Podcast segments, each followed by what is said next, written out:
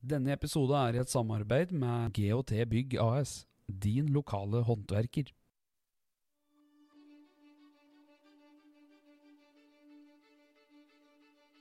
Gå veien sammen med dem.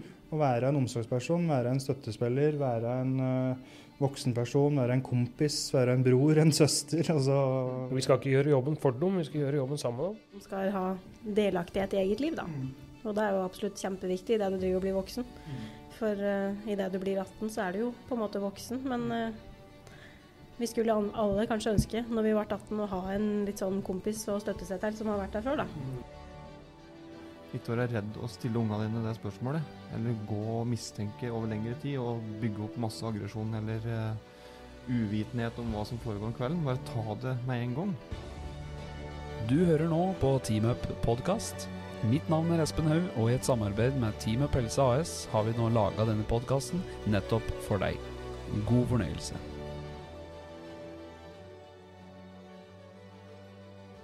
Velkommen. Yes, Velkommen. yes, yes. Her har vi episode Takk. Hæ? Elleve. 11. Nest siste for jul, er ikke? Det er det. Litt kult i dag. Vi har fått med oss en gjest i dag. Eh, jeg og Mats og Marte kjenner ikke deg, Monica. Pål kjenner deg litt fra jobb i ambulansen. Um, så vi veit jo egentlig ikke helt uh, hva du skal si i dag, eller Nei. hva historien din er. Nei. Men vi er jo spent på å høre den. Jeg tenker jo du kan få lov til å presentere deg sjøl. Ja. Mm. Mitt navn er Monica. Jeg er 27 år. Mm. Jeg er fra Vinstra. Alle hvor er jeg egentlig fra, men ja, jeg sier jeg er fra Vinstra. Ja. Det er der jeg har vokst opp, i hvert fall. Mm. Hører du på dialekta at du ikke er herfra? Ja. Det, de fleste sier det. Ja. Vi møttes utpå her i stad. Da var du litt nervøs for å gå inn her i dag, og det Mm. kan jeg skjønne. Jeg har sittet i den stolen og skal si noe om mitt liv sånn som du gjør i dag. Mm. Så jeg vil bare si at jeg kjenner meg igjen i det følelsen du sitter i nå. Men jeg tenker det er veldig bra at du tenker at du har lyst til å dele. Mm. Og så går vi inn i ei tid nå, ei utsatt tid, som vi snakka litt om forrige gang. Altså jule, juletida er utfordrende for mange, og det skjer mye i familier og sånn i juletida. Mm. Og det lille jeg har hørt, så er det deler av din historie eh, kan knyttes litt opp imot sånne ting òg. Mm. Så jeg, jeg har jo bare lyst til at du skal egentlig dra oss litt igjennom Helt ifra børjan. helt ifra børjan. ja, Si litt om, mm. uh, Ja. si litt om uh, Monica sitt liv. Og hvor du kommer ifra, og, og hva du har, har i ryggsekken. Mm. Mm. Begynner fra barndommen, du. Mm. Det ble jo født da i 1995. Mamma var steril, og jeg kom med spiralen. Så det var jo meninga, det. Ja. Det var meningen at du skulle komme til. Ja, det var det. Men um, det er fint, det, altså. Mm. Men uh, det starta vel egentlig kaoset mitt. Starta Kaller du det var- kaoset mitt? Ja. Mm. Men jeg eier mitt eget kaos, da. Mm. Det er viktig. Må jo det. Det er Eier driten sin og eier kaoset sitt. Mm. Jeg tror det er viktig. Ja, det tror jeg. Men det starta egentlig mm, Jeg husker jo ikke så mye fra den tida der, men jeg har jo blitt fortalt, og jeg vet jo at ting har skjedd. Eh, men det starta når jeg var to og et halvt år. Da bodde vi i Sør-Sverige. Jeg ble født der fordi mamma og pappa jobba nede i Sverige. Eh, pappa hadde to barn fra før, mamma hadde tre. Så vi var jo da en familie da, på mor og far og en haug med unger. Ja. Um, og når jeg var to og et halvt år, da um, fikk pappa hjerneslag. Og måtte vel egentlig begynne litt på nytt. Både med å gå og prate og ete. Og jeg husker, jeg har ett minne fra den tida der, og at jeg skulle besøke ham på sykehuset. Tror jeg var med mamma, men jeg er litt usikker. Uh, så husker jeg at han strekte ut hånda fra sykehussenga, og så hadde han på seg et like, hvitt bånd. Sykehusbånd. Det syns jeg var dritskummelt. Um, og så husker jeg jeg har noen klipp fra at jeg skulle vekke henne på sofaen, og så lå han med ryggen mot stua. Og så lå han og sikla, og så fikk jeg ikke kontakt med han. Jeg tror det var når han da fikk hjerneslag. Mm. Um, For da var du til stede. Ja, da var jeg to og et halvt år Mm. og var hjemme. Um, så han hadde jo da fått et hjerneslag, begynte med opptrening etter hvert. Uh, og de jobba jo fullt begge to fram til da. Mamma fortsatte å jobbe. Uh, og så da et halvår etterpå, når jeg var tre år, i 98, da mm, hadde mamma kjørt eh, unger på skole og barnehage. Og pappa på opptreningssenteret. Det var jo hennes hverdag da. Og så skulle hun på jobb. Eh, blitt fortalt at hun skulle til ei venninne. De skulle jobbe sammen. Eh, og sovna da bak rattet. Eh, frontkolliderte med en trailer. Ja. Så da ble hun revet bort, da. Død momentant. Eh, og da ble det jo enda mer kaos, da. For da hadde du en far som var på opptrening, Mm. og ei mor som gikk Var bort. Mm. Ja. Eh, og det jeg har blitt fortalt av det som skjedde da, var jo at de som hørte til på morsa, flyttet til far sin. Eh, hun eldste hun bodde igjen i Sverige, for hun bodde for seg sjøl. Eh, og de to andre flyttet tilbake til mor si i Norge. Så da var det jo igjen med og pappa. Eh, og fra der så har jeg ganske mye minner, egentlig, fra tida framover da. Em, og det sterkeste som sitter igjen, er jo at det var, det var meg og pappa mot verden. Det fantes ingen andre, det var meg og han. Eh, han slutta jo med opptrening Mm. fordi han måtte ta seg av en treåring. Um, Hadde han liksom på dette tidspunktet hadde han blitt klar igjen i huet og liksom alt, han ble aldri klar, 100% klar i huet. Nei. Men eh, Nok til at han klarte å ta vare på det, liksom? ja. Mm. I hvert fall på den tida der, da. Mm. Um, og den opplevelsen jeg sitter igjen med, er jo at jeg han hadde et veldig sterkt bånd. Han Mm. var jo klippa mi. Og jeg veit jo at han prøvde etter kort, da, det gikk jo noen år, å få seg kjæreste. Og det var jo bare å droppe, for at det var jo, de kom jo ikke inn i det hele tatt. Jeg sparka og slo, og det var ingen som ville være med han, for de orka ikke med. Ville ikke dele den Nei. han. Han var min. Um, men så gikk det gikk det jo et par år, tror jeg det gikk. Og så fant han seg ei dame i Sverige. Hun hadde to unger fra før. Um, og mellom jeg var fem og seks år, så flytta vi tilbake til Sør-Fron. Uh, tilbake til der resten av familien bodde, på farssida. Mm. Nå er morsslekta mi fra Trøndelag, så den bodde jo der. Flyttet oss til Sør-Fron, i et fint lite hus. Um, og begynte jo da på skolen, da. Jeg tror ikke jeg hadde noe, jeg tror ikke jeg gikk i barnehagen. Jeg er litt usikker på om jeg egentlig noen gang har gått i barnehagen. Mm. Men jeg begynte nå i hvert fall i, på skolen, da. På Harpefoss. Det fins ikke noen bilder eller ingenting som gjør at du husker om du var i barnehagen eller ikke? Jeg har svært lite både bilder og minner fra, Mm. fra liksom den tida der. Og har heller ikke fått det fortalt så mye, og har ikke kontakt med så mye folk som Mm. kan fortelle meg så mye om den tida der. Ehm, men da flytta vi oss dit, og hun dama her, hun som da er min tidligere stemor, hun var veldig grei når vi bodde i Sverige. Eh, mindre grei når vi kom til Norge. Eh, så da var det rett og slett pågående både fysisk og psykisk vold, i hvert fall i to år. Mot deg? Da, ja, bodde på Sør-Fron. Mulig det skjedde med de, sine egne unger òg, men jeg var i hvert fall jeg var, jeg var ikke drømmeungen da, for henne. Jeg var ikke godkjent i det hele tatt. Pappa var mye borte. Jeg var med en onkel mye vet du, og høgde ved og var borte fra morgenen til sent på kvelden. Og jeg var da hjemme med henne og de andre ungene. Eh, Men alt det der er jo Det er jo mye som har kommet fram i senere tid. For jeg har jo fortrengt alt det der så mye at jeg liksom måtte ha begynt å hente det fram, på en måte. Nå snakker du om fysisk og psykisk vold. Har du noen eksempler som gir oss et lite innblikk i hvordan en dag kunne se ut eller hjemme hos deg? Eh, det er jo noe med den der at du på en måte blir fortalt hele tida at du ikke er bra nok. Alt du gjør er feil.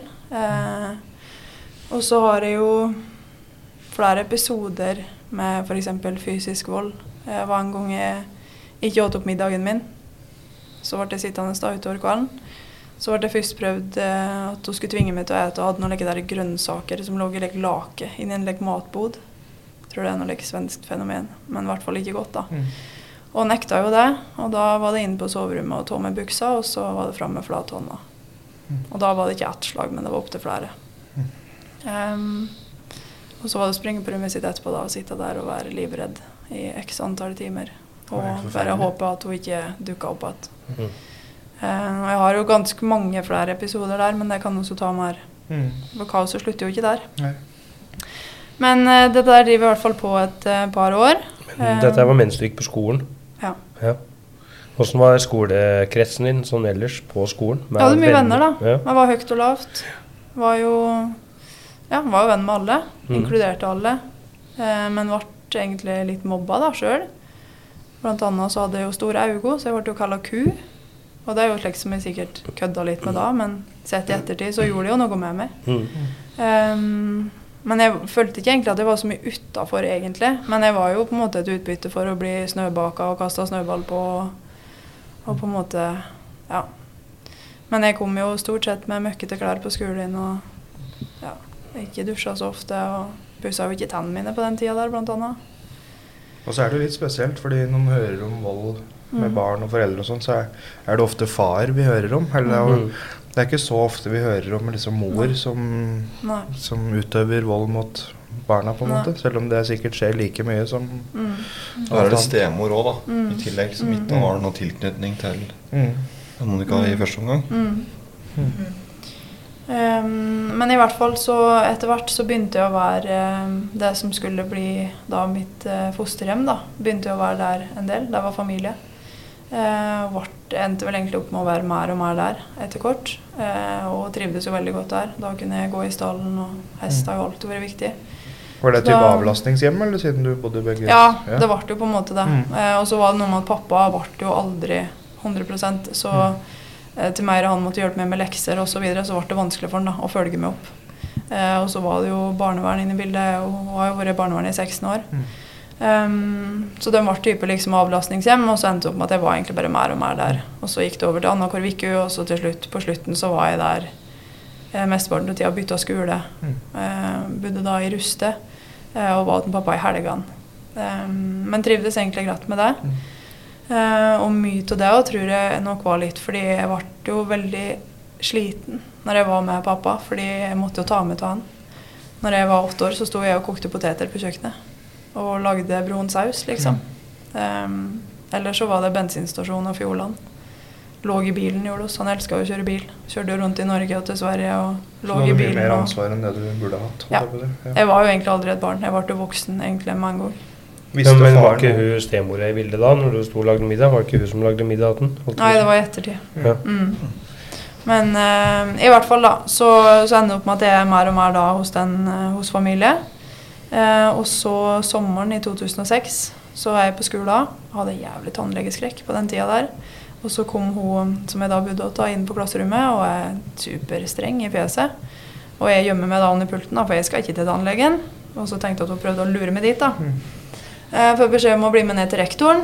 Jeg blir jo med ned dit, da. Og så sier hun at eh, eh, faren og Monica er på sykehus, så er jeg nødt til å ta med meg henne. Han er på Lillehammer. Og da husker jeg vel egentlig bare at det ble halvt svart. Og så sprang jeg bare ut på parkeringsplassen. Eh, og sto egentlig bare der og gret, og så kom det jo en haug med folk, da, alle vennene mine og, og slik. Men jeg endte opp med at hun bare reiste, da. Og så kjørte hun seg en stund, og så stoppa oss, og så forklarte hun på en måte hun visste ikke så mye, men han hadde sagt at han hadde vondt i hodet. Um, da var han åtte, hun tidligere stemor. Um, for de hadde da flyttet fra, hverandre på det tidspunktet her. Eh, men de hadde fått et barn, så han hadde samvær med barnet da og var mye der. Um, um, og så han sa til henne på kvelden at han hadde vondt i og svimmel og ville legge seg. Lagt seg, sti opp igjen om morgenen og skulle barbere seg, og datt om på badet. da. Var bevisstløs. Uh, og så ble han jo sendt til Lillehammer. Og så kommer vi jo til Lillehammer. Og jeg vet ikke, egentlig husker jeg egentlig ikke så mye til den bilturen. Han hadde at det var liksom, det var mørkt. Og jeg tenkte liksom at nå, nå ble han borte òg. Eh, så kom vi opp. Det var sjuende etasje, husker jeg den gangen. Um, kommer inn på rommet der, og der ligger jo han i en sykehusseng. Eh, han har øynene åpne, men han er ikke kontaktbar. Og så er hun stemor der og prøver å tømme til vann som han ikke klarer å svelge unna. Eh, så da husker jeg at jeg sprang alle de sju etasjene i trappa, ned igjen og ut. Um, og så klikka jo da, fordi hun var der. Um, jeg tåler jo ikke trynet på henne. Mm. Forståelig nok, da. Og så ble jo hun etter hvert fjerna. Fikk ikke lov til å være der. Um, og så var jeg min, mer eller mindre der i to uker. Um, da med den familien jeg bodde hos. Og så hadde noen hytte på Lillehammer vet jeg, som vi drev og lå på. Var jo der på skift og ja, brukte mye tid da, sammen med han. Og så husker jeg et par-tre dager så um, satt jeg og matet han med is, faktisk. Og så hadde han på seg like nossogrime, som han fikk oksygen på. Og så husker jeg han spurte meg om jeg kunne fjerne snørra. Og det er liksom det siste ordene som han er utveksla med han da. Det var at jeg skulle tørke snørra. Men det var jo ikke snørra, det var jo oksygenet da. Um, men lå oppe i senga han satt ved senga hans hele tida i to uker. Og så vet jeg ikke egentlig hvordan det skjedde, men um, jeg hadde en lang prat med søsteren min. Eh, jeg gikk en tur i Lillehammer sentrum, og så skjønte jeg bare at jeg ikke kom til å gå. For han, han lå jo bare og glomte i taket og pusta. Og så var jeg jo inne på møter med legene annenhver dag om at nå, nå er det slutten, liksom. Men så var han jo der dagen etterpå. Men så skjønte jeg jo at det her kommer ikke til å gå, liksom. Det, men det er et eller annet som gjør at han liksom holder fast, da. Og det er jo Det velger jo å tro på det, på en måte. At det var en mening med det. Eh, så da endte det opp med at jeg var inne der en dag, og så sa jeg at eh, det er greit, pappa, nå kan du reise til mamma. Um, kan pappa litt til? Ja. Ja.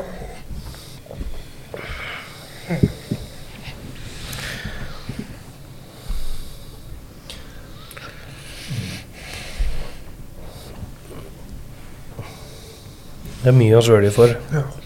Både voksne og barn. da. Brutalt. Mm. Dessverre. Ganske voksen og stor, ganske stor for voksen for alderen din da. Så du sitter her og kan si da at faren din, for at hun er greit nå, liksom. Det er ikke Det var ja. Ja. Så var de kameler her. Mm. Det er ikke hverdagskost for noen. Ikke- Situasjonen er sånn som den er. Du har vært tvunget til å bli voksen ganske tidlig, da. Men jeg tenker eh, så fint, holdt jeg på å si òg. Mm. Ja. I, i, i, I sorgen og i Ja. det vanskelige. For da var det jo tydelig da at du var en viktig person for faren din òg. Ja.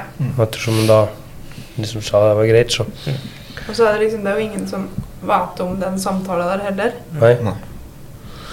Men det er ganske, altså jeg har jobba som sykepleier i ti år, og det er ganske mange tilfeller hvor noen har gått bort. Hvor de Mm. da holder ut og vi ikke helt skjønner Mm. hvorfor. Mhm. Og så kommer det da noen pårørende som sier at 'nå er jeg her', eller Mm. 'nå er det greit'. Og da, på to minutter, så blir de borte. Og det, er, det har skjedd mange ganger. Mm. Så det er noe i dem som Mm. Holder fast, da. Og folk kan jo si liksom at det er tilfeldig. Ja. Jeg velger å tro at det ikke var tilfeldig. Nei, men jeg har sett nok tilfeller Ja, det, det jeg er i eh, jeg gjorde Dette er det. ikke tilfeldig. Nei, nei, Gjorde dette med farmor og jeg. jeg hun lå jo på sykehuset, og så var hun på å gå bort. mm, Og så hadde tanta som vært der i mange dager Mm. og hadde ikke fått kontakt med meg i det hele tatt. Ja. Så var spørsmålet skal jeg dra til Syden eller skal jeg være hjemme. Og så visste jeg søskenbarnet mitt òg skulle ned til samme plassen jeg skulle på. Men da sa jeg at hvis jeg går bort, så vil jeg ikke vite det før jeg kommer igjen. Men da hadde jeg søtt- satt jeg på sykehuset, så tok jeg i hånda. Og da er det ingen som har fått kontakt med meg. Og plutselig så snur hun huet mot meg, så åpner hun øynene, og så sier hun hei, sier hun på meg. Og da sa tanta at greit, nå kan du reise. For da har jeg ikke, hun har ikke sagt et ord opp meg på flere dager. Og plutselig da så sa hun det. Mm. Og da dro jeg, dro jeg, husker jeg, men da gikk hun bort i mellomtida, så fikk jeg beskjed om jeg kom. Men da var det sånn mm. Det var liksom ingen det blir jo sånn med deg og Monica, da, når det på en måte var deg og faren din mot verden. Så Mm. hadde dere ikke et helt spesielt bånd. Og det er jo klart at det, det er noe i det Mm. når du sier det. Mm. At det Ja. Det har jeg sett så mange ganger at jeg er helt overbevist at det, det er en greie. Mm. Ja. Jeg er i hvert fall overbevist om at akkurat det der det var så spesielt at Ja. det, det må bare stemme. Jo, men det Ja. gjør det. Så, men det som i hvert fall skjedde videre da, da, var jo at jeg sa jo da ha det. Og så sa jeg at nå vil jeg hjem igjen. Reiste hjem igjen. Eh, og så dette her var jo da Og så var jeg hjemme igjen sent på kvelden. Og så på morgenen så kom jeg faktisk i det sjette trappetrinnet på tur opp for å spise frokost. Hadde bestemt meg for å reise på skolen.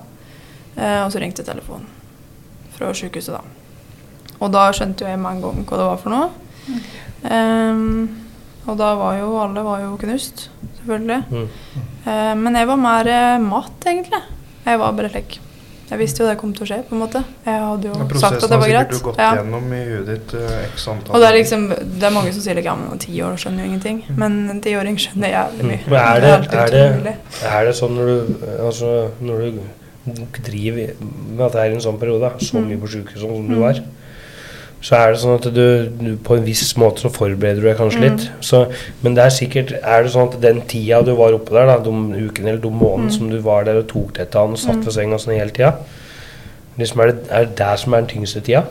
Og så får du liksom beskjed om denne der, og så tenker du at ja, men nå, nå får du slappe av, liksom. Det blir jo en form blir- for en er liksom- lettelse. Ja, det blir liksom så vanskelig å Og så var det jo litt med at det som jeg kanskje forsto, da Jeg vet ikke, jeg ble veldig knytta til ei som var sykepleier på Mm. avdelinga der. Jeg sprang i føttene på henne hele tida Mm. og ville sette sprøyter. Og jeg skulle drive inne på medisinrommet der med henne og sprang i hælene på henne hele tida. Og hun var veldig flink til å forklare meg alt som skjedde. Eh, så jeg forsto jo på en måte at hvis han overlever nå, hvordan liv blir det? Mm. Han har hatt et hjerneslag tidligere. Mm. Og det som òg er litt eh, er jo at folk har jo fortalt meg eh, det jeg har fått høre, at han fikk hjerteinfarkt. Mm. Men jeg kjører jo sykebil sjøl i dag. Jeg vet at folk ikke blir lamme når de får hjerteinfarkt. Mm. Så det er på en måte Det var jo et nytt slag. Ja. Um, uh, og det som skjedde videre da, at jeg gikk og satte meg. Jeg åt faktisk et rundstykke med hvitost. Er jævlig mye smør på. Ja, men det, det er liksom, det er helt merkelig, da. Mm. Og de trappetrinnene nå, jeg Mm. husker jeg stoppa, og så sto jeg der, og det var et like, bredt trinn. Mm. Så der sto jeg liksom, og så bare ja, nå, nå skjedde det. Hvor gammel var du da? Da var jeg ti år. Ti år? Mm. Eller det ble jo ti da, i Mm. juli. Måneden etterpå ble det ti år. Så så var jo hele familien skulle jo da samles, alle skulle på sykehuset ikke sant, og si ha det til han og alt det der. da. Men jeg var jo ferdig med det, så jeg skulle jo ikke på sykehuset, jeg skulle på skolen. Mm. Og det fikk jo jeg beskjed om at det var jo et stort tull. Men jeg skal på skolen, og så skal jeg ta bussen i stallen. Det blir min dag i dag. Så jeg ble kjørt på skolen. Um, og så begynte jo da første timen ikke sant, med at nå har Monica mista far sin, og nå har hun ingen foreldre, og nå må hun ta vare på henne, osv. Og, og så fikk jeg lov til å sitte hele dagen og spille Super Mario. Så jeg var egentlig strålende fornøyd med det. Og så var de andre på sykehuset, eh, og tok bussen rett i stallen etterpå. Og da, på den tida så var jeg fòrrytter på en hest som heter Tornerose, en fjording. Um, og det var jo Jeg tror hun var redninga mi. For der kunne jeg være meg sjøl. Der kunne jeg gråte, jeg kunne skratte. jeg kunne... Det som er fint med dyr, Ja. at de tar imot alle Dem, altså følelser. hest, hest for meg det har vært minst like viktig som mennesker. Det har nesten vært viktigere. Men perioder. jeg, skulle følge opp med deg. Åssen var hjelpeapparatet? Du er ti år Mm, og akkurat mista den andre forelderen din. mm. Hvordan er, hvordan er hjelpeapparatet rundt deg da? Nei, det var ikke noe. Nei. Barnevernet var jo innkobla, men jeg husker ikke så mye. Men jeg har jo heller ikke så mye positivt å si om barnevernet. da. Mm. Men det kommer jo til Mm. etter hvert. Um, og så ender det opp med at det fosterhjemmet da får foreldreansvaret i tingretten, og jeg skal bo der. Og da, hvis jeg på en måte skal fjernes fra det hjemmet, da, så må jeg på en måte bli adoptert hvis noen andre skal bestemme over meg. For da er de på en måte foreldrene mine. Og så går det ei stund, og så um, blir jo jeg da det de kaller for et problembarn. Drittunge. Med veldig mye aggresjon, veldig mye frustrasjon, veldig mye sorg, veldig mye, veldig mye sint. Hater det ordet. Jeg syns det er helt feil. Ja. Ikke, Problembarn. Nei, jeg syns ikke det er et ord, det heller, men det var det jeg ble kalt. Jeg var jo et problembarn. Mm. Det er jo det de voksne har sagt. Mm. Meg hele veien. hva, for, hva forventer du? Hvis, hvis du er ti år gammel og mister begge foreldrene og ikke får noe hjelp til å fordøye det, hva, det er jo Det må jo skje noe. Og Altså, heller Følelser må ut på, et, ben. det, det kommer jo ut på et Ja, ja. vis. Og Det er vel ganske forventa å ha problemer hvis du har mista to Ja, foreldre innen du er ti år. Ja. Den som ikke forventer det, den er jo ganske Men det som er kjipt, er at du blir stempla som problembarn. da. ja. Mm. Mm. Så det er jo på en måte Det er jo den følelsen jeg sitter med, da. Og Jeg så er er, så, er det så, så er det så stygt, for da er det der som blir fokuset. Jeg er jo en ballast for alle Ja. andre. Ja. Og så er det ingen som har glemt det, da. Mm. Hva det har vært igjennom i ti Mm. år. Har de glemt det plutselig? Mm. Nå er det kun fokus på at du er et problembarn. liksom. Mm. Det er jo helt feil. vet du. Men uh, utad så er jeg jo livsglad. Det er jo den dag i dag. Jeg var jo det der òg. Og jeg var jo på skolen så var jeg ikke den som satt bakerst i klasserommet og var stille. Jeg satt jo og vippa på stolen ti ganger og tedatt bakover og Mm. bråka og snavla borti og ja. Det var, det var en lærer som spurte meg om jeg trengte hvit stokk, om jeg ikke hadde fått med meg at han sto og tegna på tavla. Når jeg satt og ropte navnet hans ti ganger. Men jeg var litt bråkete og ville bli sett og ville bli hørt. Og, og ble jo egentlig aldri det. Så jeg mm, var jo ute ti minutter på gangen og inn igjen og, og slik drev på. Eh, ungdomsskolen gikk nå sin gang, det. Mye, mye det der bli henta ut av klasserommet til barnevernet, møte med barnevernet. Alt det der som ingen andre måtte gjennom, da. Tror jeg mange av de ungdommene våre kjenner seg Ja. igjen i. Mm. Det blir å Um, et nesten. Og det er faktisk mer eh, traumatisk enn en skulle tro, Mm. sett i ettertid. Mm. Um, sitte på et møterom på skolen og bli møtt i gangen i hop med barnevernet Mm. av vennene dine og de andre. Um, Og så er det på den tida, på den alderen og sånn, og så spør du folk hvem er dette. mm. Så må du jo forklare det, Ja, det er barnevernet, liksom. Ja. Mm. Jeg hadde vært bedre hvis som bare gikk forbi uten å spørre. Vi Mm. ser det senere. Eller kanskje tatt, eh, kanskje tatt meg fri fra skolen. Mm. Tatt det fra morgenen og så raskt på skolen etterpå. Ja. Kanskje bare kunne gjort det en annen plass, Mm. på en måte. Ehm, men så på den tida der så Jeg har ikke liksom noen konkrete liksom, følelser eller annet enn at det er bare kaos, på en måte. Eh, det er bare kaos alle plasser. Eh, jeg er jo alene, så jeg er veldig mye lei meg. Eh, Jeg har funnet igjen en del like der dagbøker som jeg drev og Jeg skrev aldri noe detaljert, men jeg skriver like der Det er mye hvil i fred, mamma og pappa. Ser dere snart igjen mange like dikt som jeg har lagd sjøl. Og så husker jeg midt inni boka der, så har jeg funnet igjen en setning, og der står det 'Life is like a rollercoaster'. så jeg bare, ja, det var vel slik livet var, da. Berg-og-dal-bane. Um, og så går tida til jeg blir 15 år. Da tror jeg det blir rett og slett for krevende å ha med hus. Så da blir det fosterhjemmet sagt opp til barnevernet. Uh, og det som skjer da, er egentlig bare enda mer kaos. Eh, og barnevernet gjør jo ikke det de da har lovd at de skal gjøre. Eh, så jeg ender jo opp med å da flytte til søskenbarna hos pappa. Uten at jeg blir godkjent som fosterhjem. Uten at eh, verken barnevern eller de som da har foreldreansvaret, er enig i det. Um, men bor da der fram til jeg er 18 år. Um, og hele den tida der, hele den perioden der, er egentlig bare det, Jeg har ord på det, og det er kaos, liksom. Mm. Jeg hører ikke til noen plass. Det er ingen som kan fylle mine tomrom. Jeg flyr og leter etter nærhet, leter etter en mamma, leter etter en pappa. Noen som kan prate med meg, fortelle meg om slike jenteting. da. Første gang du får mensen, sprang jeg til rektor. Mm. Og rau på den hvite buksa mi. Ingen som har fortalt meg at det kan skje når du kommer i puberteten. liksom. Eh, alle slike småting som kanskje jenter spesielt skjønner. da. Mm. Og så ser du på alle vennene dine ikke sant, blir henta av foreldrene sine, er på aktiviteter. Har alt, da. Trodde jo jeg da, i hvert fall. Um, Ja, For du ser jo det du ser, ja, og sammenligner det, da. det er akkurat det. Mm. Um, så jeg var jo nå- veldig mye rundt. Nå prater vi at nå begynner du å bli 18 år gammel. Mm. Og det har ikke vært noen inne for å hjelpe deg. Få til lette på trøkk eller få til å prate om ting. Jeg var ting. liksom veldig på like, der, sant? Alle mammaer og pappaer til venninnene mine var like ja, kanskje det kan være mammaen og pappaen min nå. Og jeg var jo litt i avlastning eh, åt bestevenninna mi. Og moren har vært jo Så det er jo mange som har blitt på en måte mammaen min, da. Mm. Og det er mange som òg har blitt pappaen min. Eh, og jeg har alltid vært på leit. Men så har jeg vel bare kommet dit at det er ingen som kan fylle de tomrommene. Uansett hvor mye jeg leter. Så vil liksom aldri mammaen til bestevenninna mi bli mammaen min på samme måte som hun er mammaen til, til Mm. henne, da. Mm. Um, Endra nettverket ditt seg noe på denne tida her? Altså, Holdt du deg på skolen, eller hvordan så livet ditt ut? mm, Sånn. jeg var på skolen, men jeg sov jo stort sett. I hvert fall i spansk og matte. Da sov Mm. jeg. Så jeg var på skolen, men jeg sov mye av tida. Mm. Og gadd ikke å følge med. Satt i kantina, hadde en del fravær. Men det var, jeg var ikke borte fra skolen, men det var like, jeg sitter igjen i kantina, jeg gidder ikke gå i timen. Um, ga litt faen, egentlig. Um, men jeg hadde bra venner og hadde liksom hadde det sosialt, på en måte. Og så begynte jo festinga hver helg, og, men det føler jeg på en måte var liksom alle de andre drev med. Um, brasa litt. Uh, og så når jeg var 18, da hadde jeg jo kjæreste. Da flyttet jeg faktisk til Lena. Til alle ting. Da tenkte jeg nå skal jeg få en ny start. Mm. Så da bodde jeg der et halvår, og så flyttet jeg til Skreia. Så bodde jeg der um, ei periode. Um, jobba på Østre Toten sykehjem, da. Alltid vært glad i å jobbe med folk.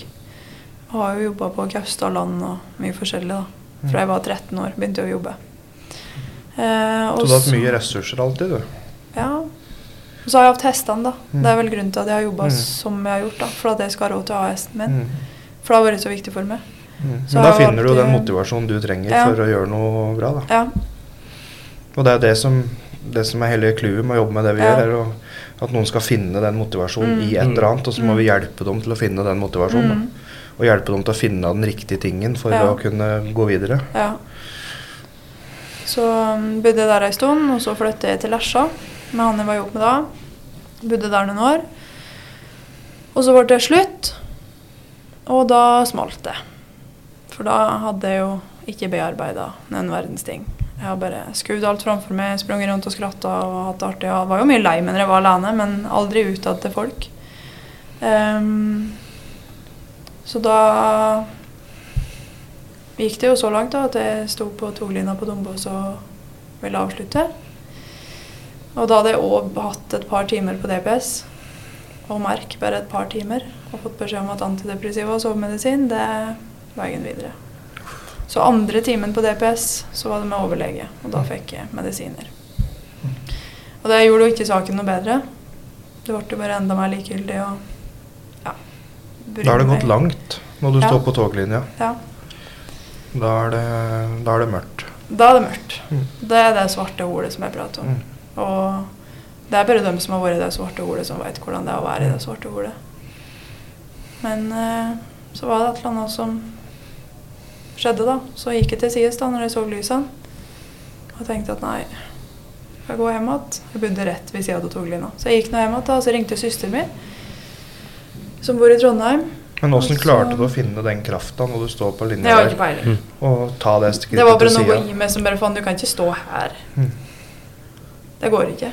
Og så har jeg jo en ting da, som er med meg den dag i dag, og som jeg tror kommer til å være der til stupet, og det er jo de ti minutter på sengekanten. Mm. Mm. For jeg har faktisk lovd pappa at jeg skulle klare meg. Mm. Det, var, det var derfor han reiste. Mm. For at hun lille jenta på ti år skulle Mm. klare seg uansett, da. Så det kan nok hende at det er noe der i meg som jeg på en måte blir henta fram, da. Mm. At eh, nei, faen. Men jeg sier jo litt, da, som høres godt så, vært så turbulent i 20 år nesten, og ikke fått muligheten til å bearbeide, gå på DPS og andre timen din, så får du medisiner. Mm. Altså, det hjelper jo ikke deg, på en måte. Nei. Jeg snakker over 20 år, da. Mm. Krever mer enn to timer. Ja. Ja. Og det krever mer medisiner. Mm. Ja. Medisiner legger bare lokk på det, det Ja. òg, egentlig. Altså, det, det endrer jo ingenting. Og så er det litt sånn, altså Hvis du begynner på antidepressiva, så er jo en av bivirkningene at det er økt suicidalitet. Ja. Og det er jo noe det ikke blir snakka så veldig mye om, føler jeg. Mm. At du bare blir forskrevet det, og så bare sånn Mm. Yes, lykke til. I hvert fall de første to ukene. du skal overvåkes kjempenøye når du begynner på det. Ja. Det står det jo i pak Mm. pakningsvedlegget. Mange- Føler ingen får beskjed om det. Nei. Mange rundt deg da som skal være glad for å ta disse ti minutter med håpa din på senga. Mm. ja. At du da klarte det på egen hånd. Mm. Så da ringte søsteren min, da. Eh, Så dagen etterpå så kom mannen hennes og henta meg. Unnskyld, jeg svarte gærent. um, så da flyttet jeg til Trondheim dagen etterpå. Og da brukte jeg vel, i hvert fall i starten da, så brukte jeg vel eh, 18-20 timer til døgnet lå jeg og sov. Hadde med meg hesten da òg. Mm. Hadde jo hest hele veien. Eh, men hun sto jo egentlig bare der. Var jo ute og kosa med henne innimellom og slik, men jeg sov veldig mye. Ville ikke ete ingenting. Sjokolade, det var det eneste. Og tok jo ikke bare den dosa jeg skulle, da, men tok jo litt ekstra, for det var godt å sove da. Det var drit å være våken, så da Men jeg gikk jo da til samtale på DPS. Jeg fortsetter jo med det. Fikk jo diverse diagnoser. Ehm, fikk vel traumediagnose, og så fikk jeg dyp depresjon. Og så fikk jeg sosiale tilpassingsvansker. Og da slo jo jeg i bordet, da. For det er jo den siste personen som har problemer med det sosiale. Men da fikk jeg jo betydninga til det. da Betydninga til det var jo at når du Det er jo en form for PTSD. Bare at du, når du får det som barn, så heter det noe annet. Mm. Fordi at du er så vant med å leve i unormale situasjoner. Da, at du klarer ikke å tilpasse det det som er normalt. Mm. Um, og så gikk jeg til psykolog, ja. Og så ble jo ting bedre etter hvert. Prøvde å trappe ned på medisin, det gikk jo greit. Og fikk jo ekstremt mye støtte og hjelp i søsteren min. Eh, og mange andre folk. Jeg hadde jo fortsatt masse venner, og folk var jo der. Og begynte vel å skjønne litt at man må også være her, på en måte. Backe opp.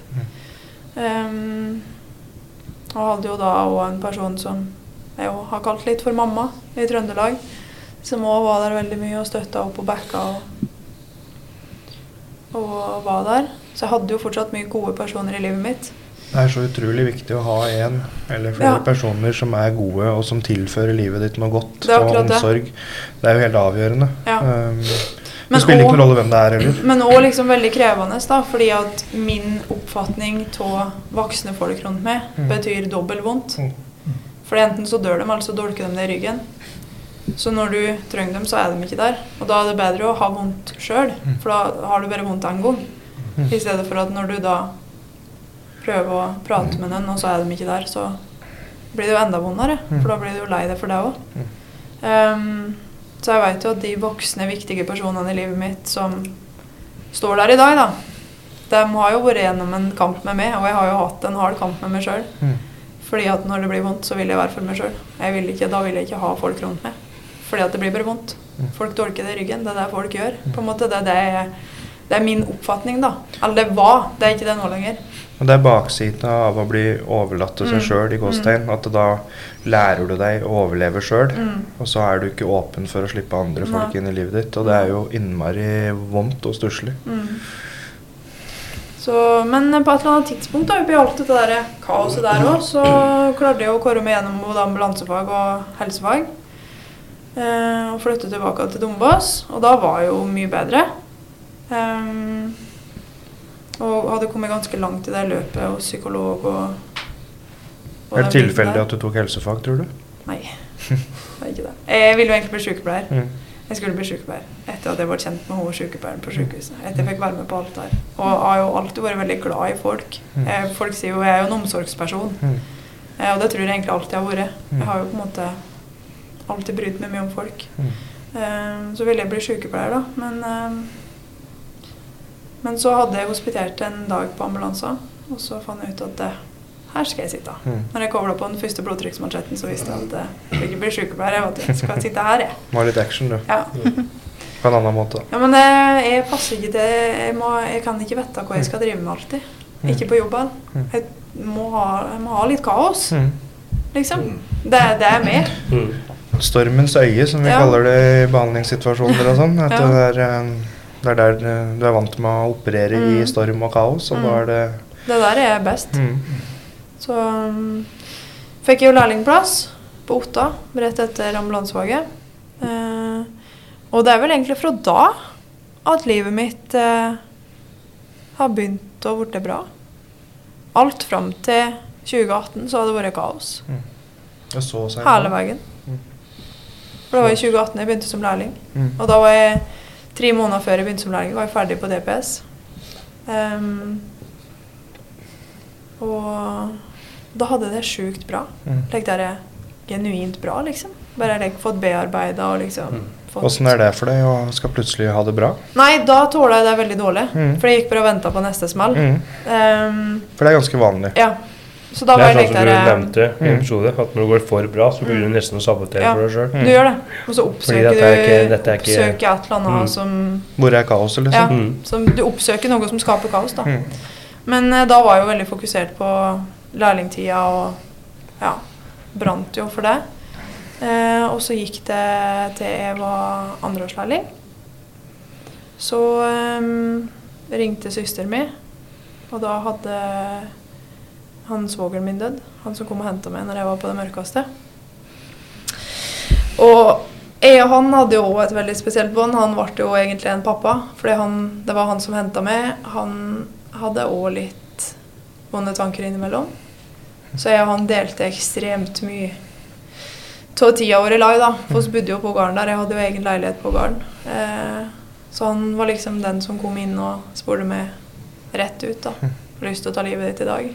På en måte, Han var veldig direkte fordi han hadde vært i det som meg sjøl. Mm. og så skulle jeg skulle egentlig til Syden den uka der. Jeg hadde gått på arbeidshelg, og så skulle jeg levere bilen min til han, for han fiksa alt. Han var liksom den jeg ringte hvis jeg trengte noe råd, eller hvis han skulle fikse bilen min. Typisk pappa, liksom. Um, og jeg hadde jo pratet med en dagen før, men da ringte hun, og da hadde han dødd, da. Uh, så da skjønte jo da at det var, det var den smellen her jeg venta på. Mm. Det, nå hadde det skjedd igjen. Så da pakka jeg Jeg tok egentlig med meg den kufferten jeg hadde med sydenklær, da. Og reiste oppover. Og da var det jo min tur, da. Til å ta vare på søsteren min, som akkurat hadde tatt vare på meg i Mm. lang tid. For at de hadde jo ei datter på tre år òg. Så Og et gigantisk eh, eh, En gigantisk gard med en haug med hester og folk Mm. og dyr og og ikke måte på. Så da var jeg vel der i ca. to måneder og tok meg til henne og var der. Um, og hun er jo lik meg. Hun er jo, vil være for seg sjøl, trenger ikke hjelp, skal fikse det sjøl. Men så veit jeg jo at hvis noen bare kommer gjennom den der veggen, så trenger du jo egentlig noen der. Så jeg visste at uh, OK, jeg skal være det om hun vil eller ei. Og det har vi også prata mye om i ettertid, at uh, der er vi jo like. Mm. Ehm, og så kom jeg jo gjennom det. Og da veit jo du litt om hvordan du skal komme inn, for du har jo holdt folk ute Ja. så lenge. Det er akkurat det. Så du veit jo egentlig hva hun trenger. Mm, Ja. det er akkurat det. Og jeg hun er Altså, jeg så det da, på en måte, at jeg og hun er klin like. Mm. Så um, Og da tilbake til lærlingtid, da. Og hverdagen.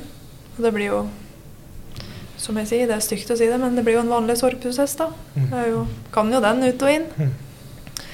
Eh, men fokuserte på lærlingtida, og så har jo ting gått bra ettertid.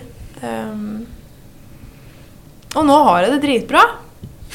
Jeg elsker jobben min og Mm. bor oppe i Trautskogen og Mm. har en fantastisk samboer og Jeg skjønte ikke hva du sa når du sa hvor du kom ifra. Nei. Nei, jeg hørte det tre ganger, men jeg kom ikke noe lenger i prosessen. Men nå har jeg det kjempefint. Ja. Og nå har jeg det så fint at, uh, at jeg mener det, liksom. Mm. Og det er første gangen jeg kan si det. Og nå er jeg 27 år. Mm. Men hvorfor har du det fint i dag?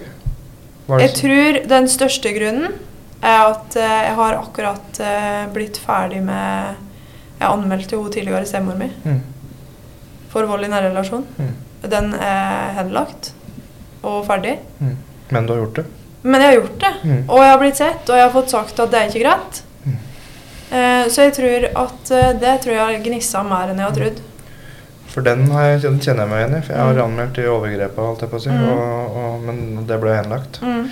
Men du har gjort det. Det Du har vært igjennom den prosessen. Og jeg var jo litt spent på liksom, ok, men utfallet der, hvordan vil jeg reagere på det hvis det blir henlagt? Mm. Eller, for det er jo ofte, når det er så lenge siden, så er det jo henlagt pga. bevisets stilling. Mm. Men så kjente jeg bare på en så enorm lettelse. Jeg har ikke hatt kontakt med det mennesket der siden jeg var åtte år. Ehm, så om hun hadde blitt bura inn eller fått ei bot eller altså, Det har ingen betydning, da, fordi det som har skjedd, det har skjedd. Mm. Det viktigste for meg er å si at det er ikke greit, det du gjorde. Mm. Og at andre folk kan få høre det òg. Mm. Fordi det er så viktig. Ja, jeg jobber liksom med det å prøve å få ungdommen, ungdommer også til å ta ansvar for eget liv. Mm. Og det virker som du har gjort. det. Ja. Du har tatt veldig ansvar for eget liv, for at du har tatt ansvar for at du skal ha det bra. Mm. Mot alle odds. ja, uansett om det har tatt 20-25 år, Mm. Så kommer det på et eller annet tidspunkt at det er noe bra rundt det som skjer, som du Mm. bare tenker deg at nå må jeg begynne å ta ansvar Mm. for å få det bedre. Mm. Og det er ikke alle som klarer det her på egen hånd, men du har jo tydeligvis gjort det. da. Og så vet du Sikkert hatt noen uh, tillitspersoner og sånn i livet ditt da, som har gjort det lettere. Mm. Men uh, det handler om å ta ansvar for eget liv. Ansvar for å ha det bra. Så veit man aldri når den tingen som endrer ting, Nei. dukker opp. Og du vet heller ikke når du står i det, så vet du ikke hva det er som skal til heller. Nei. Nei. Du må bare finne det mens du går, da. Eh, Du må prøve å gjøre bra ting for deg sjøl dag Mm. for dag for dag, Mm. helt til det liksom dukker opp noe som på en måte får deg inspirert til Mm. å gå videre. det er akkurat det. En utrolig sterk historie. Far og Yoga har vært igjennom litt. Fra tidlig alder, liksom.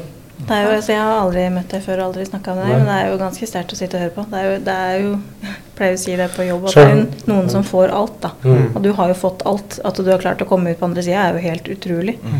Men så hører, når jeg hører på historia di, så hører jeg at du høres jo ganske rotløs ut, for du har jo flytta mange, Mm. mange ganger. Mm. Men der du bor nå, tror du at du liksom Kan du se for deg å bo der lenge? Ja. Ja, så det er liksom du Og endelig finner et tro det gir sted meg en lek der, Ja. for jeg har alltid hatt veldig mye lek indre uro. ja. Og veldig lek der flakse hit og Ja. dit. Og jeg har ikke brydd meg om hvor jeg har bodd. Jeg har hatt med hesten min på hengeren. Det hadde vært, Ja. vært det viktigste. Ja. Fordi resten har ordna seg, liksom. Men nå så ser jeg for meg framtida, liksom. ja. At du kan bo der i jeg mange år, ja. Det er jo et hundre 100 år gammelt hus og står opp og fyrer i peisen om morgenen, og det er dritkaldt. Og tenker at ja, ja, dette Ja. er livet. ja. Mm. Men det er så vanlig for sånn fosterbarn eller barn i, i barnevern som flytter mye og sånn. Det er en sånn uro de aldri blir kvitt. Mm. Så de liksom de klarer aldri å lande et sted, Nei. men, men de søker å lande et sted. Mm. Men så er det veldig vanskelig å faktisk klare å Mm. lande et sted. Mm. Så søker de en familie, de søker Ja. en, noe nærhet og forutsigbarhet og sånn. Og så blir det en sånn evig jakt på det, Mm. da. Så kan det hende at de i i hele runddansen at de, at de lander et sted, Mm. men plutselig blir revet bort derifra òg. Mm. Og da, hvis det skjer mange nok unger, så tror jeg du, du, du tenker at det er, det er, er ikke laga for meg, liksom. For at nå, nå tør jeg ikke å slå meg til ro noe sted, for at det går bare litt sånn som blir tatt bort derfra. Mm. Fy fader, jeg har sittet med nervene utapå nå, så jeg har liksom kjent på flere ganger i dag at uh, Nå.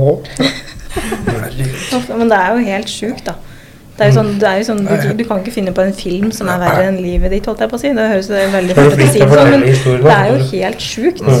Mm. Og du er flink til å fortelle òg, fordi Ja. du føler at du blir tatt Ja, med jeg er gjennom. helt inne, Ja. ja. ja. At jeg følte at jeg liksom satt og så fikk bilder og ble liksom tatt med gjennom hele. Mm. Så det er ikke noen tvil om at du har kommet fryktelig langt i livet ditt. Selv om du har opplevd så mye traumer. Liksom. Mm. Det er jo Jeg helt jeg. Jo, men det er jo ikke alle som klarer å komme ut på andre sida og ha det bra. Ikke Nei, og jeg får jo høre det hele tida, på en måte. Men eh, hvorfor sitter du her i dag? Ja, men Altså, du har jo jobba for det, da. For å komme Men, deg men det er ingen som skal komme og, og verken dømme meg eller fortelle meg at det har vært lett. Fordi at da er jeg litt lekt der, og da, da går det en litt Men da har de ikke hørt etter hvis de sier at det har vært lett for deg, fordi Da- det har de jo ikke akkurat. Nei. Og Da er tenker jeg at, uh. Prøv et kvarter da i mine sko, så kan vi prates etterpå. Mm, ja. Jeg er litt der, på en måte. Mm. At du blir litt lekt der eh, Du med en liten legg finger. På en måte, i hvert fall, og Vi merker det. Og liksom med den jobben jeg har òg, da. Møter jo fryktelig mye forskjellige folk. Jobber med mye forskjellige makkere. Mm. Eh, og det er lett å bli dømt i den jobben der. Mm. Ehm, men jeg har liksom blitt litt mer litt der rakrygga, da. Mm. I stedet for den derre stille liksom Du kan trakke på meg, det går bra. Mm. Så har jeg liksom blitt mer litt der at jeg smeller tilbake, da. Og så tror jeg mange blir litt like Oi, så ikke. Mm. Jo, men jeg tror du må eie det litt òg. Ja. Det som har skjedd, har skjedd, og du må liksom du må eie det, for ellers så tror jeg folk kan tråkke litt på deg. Da Ja. må du si at ja, det har skjedd, og ja, det var dritt, men Ja. se hvor jeg er nå, da. Ja. Men Du er en gave til helsevesenet. Ja, herregud. Mm. Med å møte folk i krise og ta vare på folk som sliter og opplever vanskelige ting og sånn, så er jo, er jo du en gave. Du er jo helt fantastisk sterk dame, spør du meg. da. Mm. Mm. Og hvis du kommer og du, du vet ikke hva jeg går gjennom nå, så er det sånn jo, Det vet jeg. det gjør jeg. Det kan jeg faktisk Ja. si. Mm. Så det Eh, og kanskje ikke nødvendigvis det samme, men kjenner jo på mye av det samme. mm. Mm. Ehm, og det er jo Jeg vet jo det på, på mange av oppdragene, så Jeg hadde jo mye runder med meg sjøl i starten. Er dette her lurt, Monica? Fordi Mm. at uh, det blir så nært, da. Mm. Fordi at du har opplevd så mye sjøl, Mm. og så skal du borti så mye hendelser, kanskje hver eneste dag Mm. i en periode, som du kan relatere til sjøl, da. Men så har jeg på en måte funnet styrken i det, da. At jeg har vært der, jeg vet det, og nå skal jeg være den beste personen for dem som er i krise, liksom. Mm. Og så går du jo inn i en ny rolle Mm. når du går inn som ambulansearbeider, helsearbeider, sykepleier. Altså du går inn i en annen rolle. Mm. Det er mange ting jeg er redd for privat som jeg ikke har noe problem med på jobb. Nei, fordi du sant. går inn i en sånn rolle. Mm. Du blir en annen person på en måte. Så er det litt med det som du sa, at du må, du må eie historien din. Mm. Altså, det er jo dit folk trenger hjelp for å komme. Mm. At det hjelper jo ikke å dytte det ned, Nei. fordi at det, det blir ikke borte. Nei.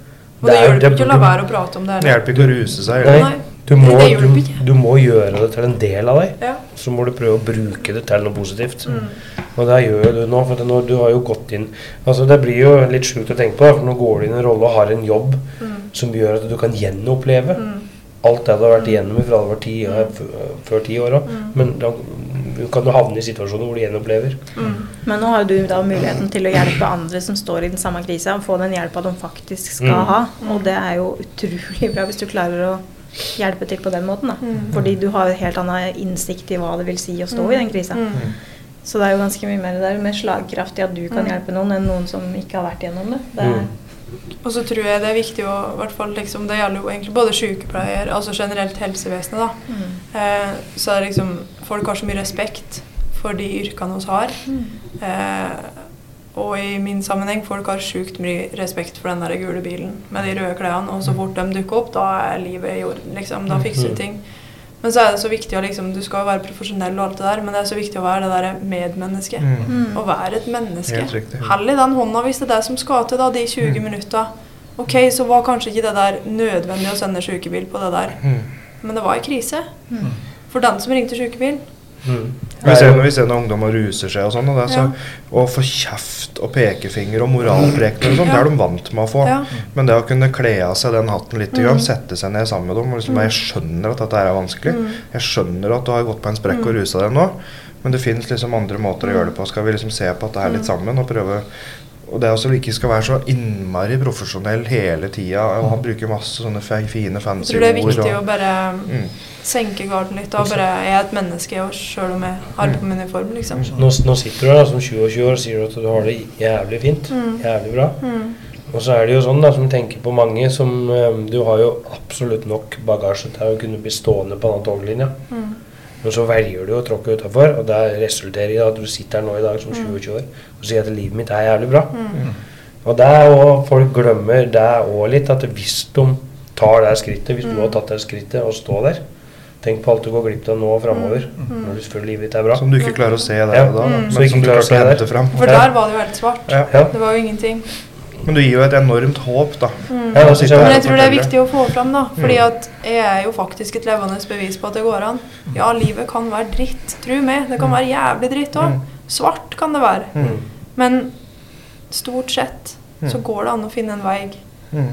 tilbake til det som er bra, da. Mm. Fordi livet er egentlig veldig fint.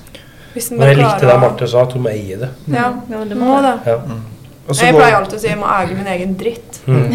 Mm. Jeg å si. Ja. Mm. Jo, Jeg men det det er litt annen jo- måte, da. Men det er Litt jo- finere det er jo måte, du sier på jo, men det er jo sannheten, sånn du sier det. Ja. Mm. Så jeg skjønner hva du mener. For hvis en bare skal skyve det til sides Jeg prøvde jo det i 20 år. Mm. Det gikk ikke, det. Stoppa seg sjøl. en eller annen dag så innhenter det deg, uansett hvor stort eller lite det er. Og det har jeg jo sett i ettertid òg. Det har jo skjedd ting de siste åra. Og jeg mista jo hesten min her, Hektor, Hector, når jeg bodde på Lillehammer. Da var det svart. Mm. Fordi det er som å miste et menneske. Mm. Ja, men det blir jo det. Hvis Fordi det det er det som kjæreste jeg har. Det liksom. er tap. Det- altså Nytt det- tap. Og folk kan si ja, men det var jo bare en hest, Monica. Herregud, skjerp deg. For meg så er det ikke bare en hest. Det er det, det, er altså det nærmeste jeg kommer.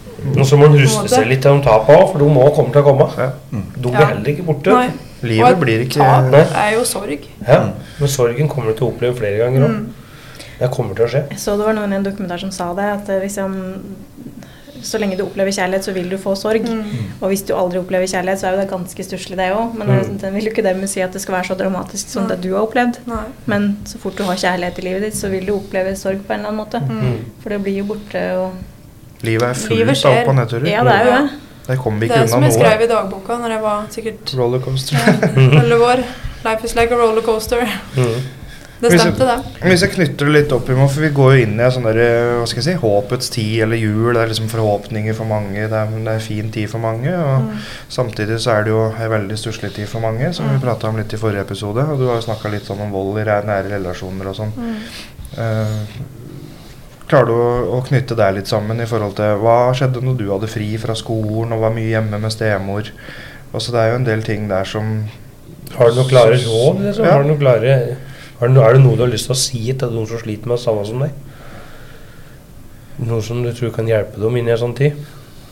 Det der er litt vanskelig å svare på, Mm. egentlig. For jeg husker egentlig ikke jula. Nei. Jeg husker ikke det så masse gaver under treet og julemat og tradisjoner, og alle skal samles, og Mm. det har aldri vært det. Og fra jeg kunne jobbe, så har jeg jobba hvert eneste år omtrent. mm. Det er jo jeg opplever mye, da. Det er mange ungdommer og sånn ofte som sliter med noe. Så er det instanser, da. Folk har snakke med sånn, så sier de at de jeg skal ikke det. Nekter det. Altså jeg mener det, jeg gjorde dette sjøl. Jeg nekter jo sjøl òg på den tida, men jeg gjorde jo det. Og jeg takker jo jeg takker dem for det i dag. Og det er liksom òg at, at sjøl om du eh, måtte liksom karve deg gjennom litt mye på egen hånd. Mm. men du råder folk til å ta, og ta og prate med noen. Mm. Ta det. er sjukt viktig. Mm. Om det er en venn, eller om det er Altså uavhengig av hvem det er, da. Prat Mm. med den. Prat med noen som del. da kan ta det videre, liksom. Ja. Eller Det er liksom det viktigste, egentlig. mm. Hva vil du si til noen som skal klare alt sjøl, sånn som du skulle?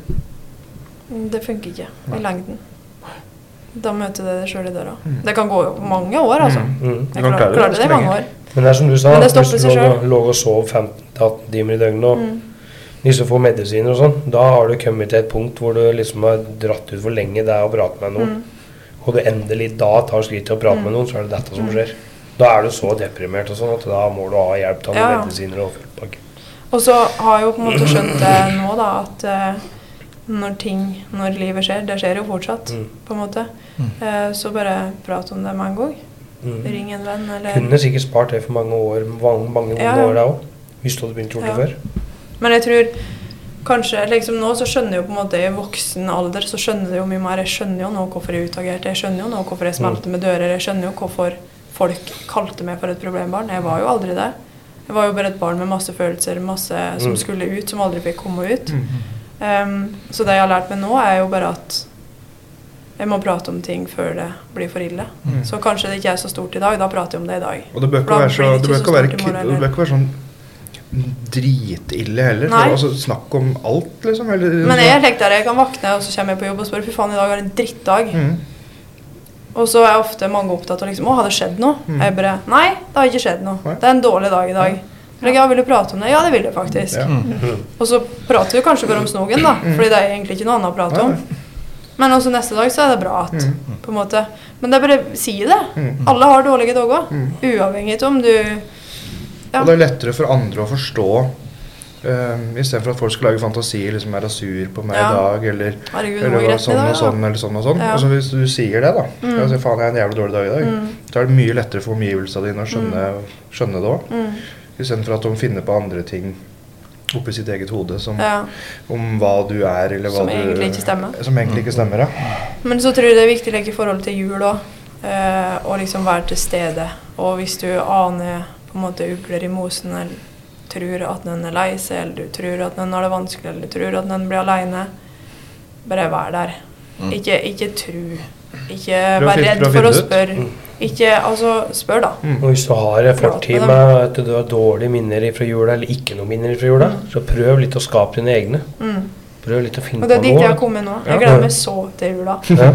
Vi skal finne eget juletre på egen tomt. Mm. Og pynte med gaver og Mm. Og bare slik der, være samla, da. Mm. Og jeg tror det er så viktig, fordi jeg aldri liksom Jeg har stått på kne på kontoret og bare 'Vær så snill, la meg jobbe i julekvelden'. Mm. Ja. For jeg syns det er mye koselig liksom, når jeg jobber på sykehjemmet. Så bare Jeg vil heller være her med dere og, Mm. og liksom Og det handler jo ikke Jeg har jo masse fine folk rundt meg. Jeg har blitt bedt julekvelden rundt omkring overalt. Både til venninner, til familie, altså overalt.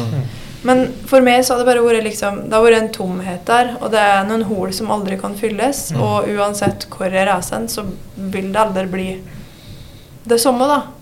Men nå kan jeg skape mitt eget. Mm. Blir du, blir du fortsatt litt sånn sentimental på julaften og sånn? Eller har du liksom kommet forbi det i Eller mye glede. Mm, for så, da, i år. Mm. Mm, I fjor, da. Rett i karantene, da. Hele jula. For det er litt opptatt av å si at selv om du blir sentimental eller kjenner litt på de følelsene der, da, så Mm. er det helt greit. Mm. Ja. så det er ikke farlig, det. Og det er jo en viktig del av det med bearbeiding og det der å akseptere at Mm. det er ikke på topp i dag. Det tror jeg kanskje var største kampen jeg har hatt med meg sjøl. Å se meg sjøl i speilet og si at du er ikke på topp i dag, og det går bra. For jeg Mm. fungerer jo best på topp. Mm. Når jeg er på topp, det er da jeg fungerer best. Nei. Men det er noe med å innse det sjøl, og det er den kampen du må ta med deg sjøl. Mm. Ehm, Hvis du er, mm, er sentimental og, og kjenner på litt sånn vonde følelser og sånn, så sett, er det med på å sette ting litt i perspektiv, da. mm, Du kan sitte på en måte og ha en fin kveld og ha familien rundt deg og spise en god middag. mm, Så kjenner du litt på den sentimentaliteten, Mm. men da setter du bare enda mer pris på når du hever blikket Mm. og ser rundt bordet. Så setter du bare enda mer pris på å se hva jeg har i dag, Mm. kontra hva jeg hadde før. Og det er jo litt like også med et like liv, da, som jeg har levd. Eh, så får jeg jo et helt annet perspektiv på ting. Mm. Og du, jeg føler jo sjøl at en blir flinkere til å liksom sette pris på de små tingene som kanskje folk ikke legger merke til som er bagateller, Mm. men som jeg syns er liksom Mm. livsviktig, da. Mm.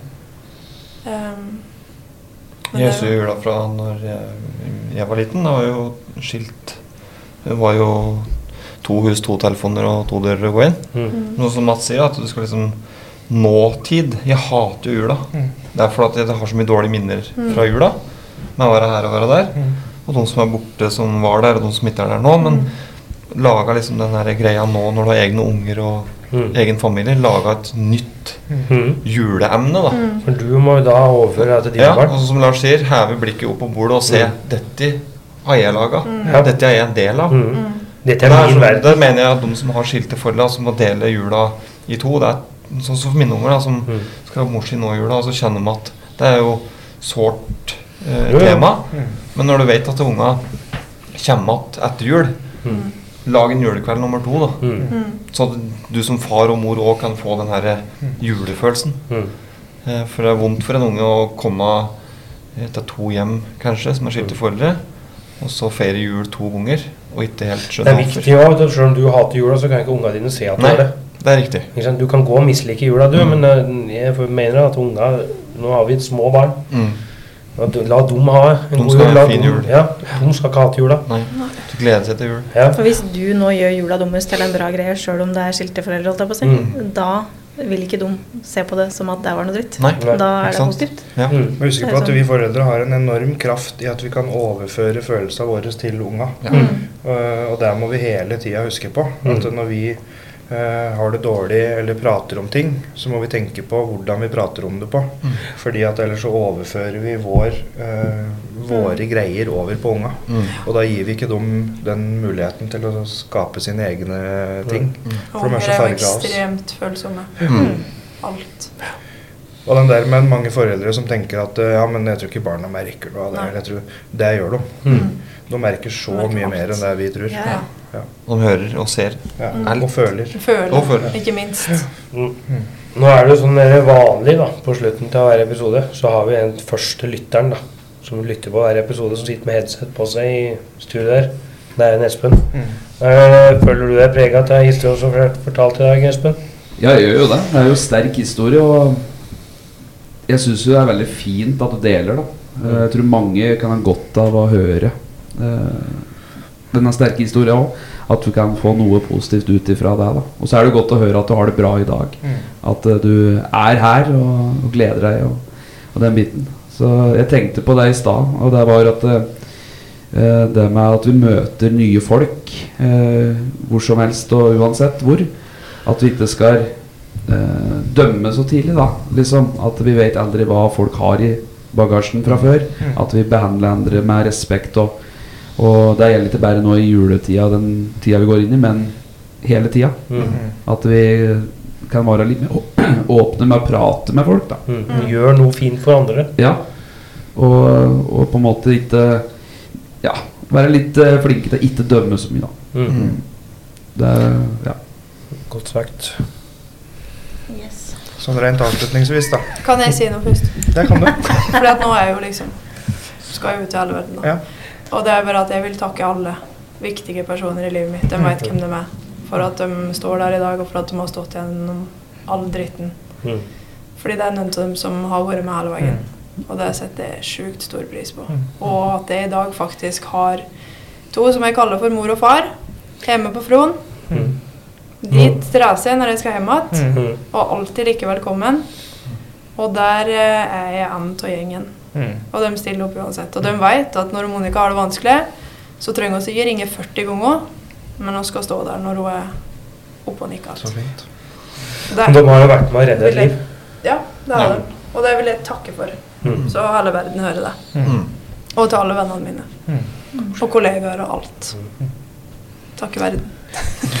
Jeg vil, eh, jeg vil takke deg ja, for at du kom i dag. Og for at du ville Å, faen faen. Da! Hva er det i dag, da? Nei, jeg vet ikke. Jeg blir så berørt av hele greia. Ja, det, er, det er jo helt Det er jo sterkt, da. Jeg skjønner jo det. Ja. Du skjønner det. Ja.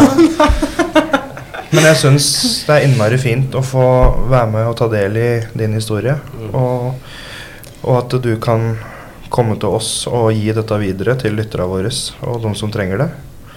Og Mm. Du gjør en utrolig viktig det var en veldig viktig jobb.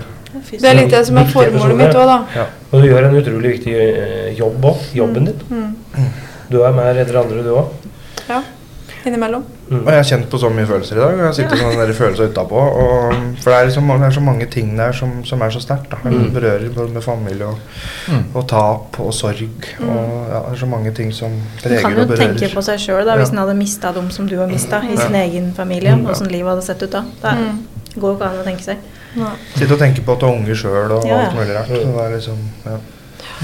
Jeg syns det har vært veldig, veldig fint. Altså. Jeg håper det, håper det har vært greit for deg òg. Ja, veldig. Mm. Jeg har slappa av nå. Mm, det er bra. Var ikke så avslappet når du først kom inn her. Nei. Men takk for at jeg fikk komme og Takk for at du kom. Virkelig. Kan du ta strofa di, Lars? Det gjorde du i Hvis, stad. hvis du klarer det. Ja, Jeg må, kan ikke si noe mer enn det.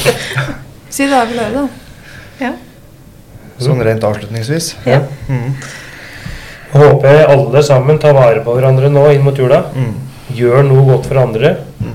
Sliter du med noe, vær åpen og ærlig. Det fins ikke noe tid du ikke skal si noe, noe på.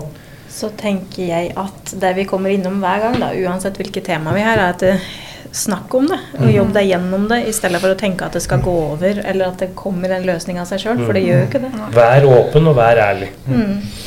For deg sjøl og for andre. Og Ikke, ikke gå og lur på om folk har det bra. Ja. Spør dem om de har det bra. Ja. Mm. Og ikke spør har du det bra. Mm.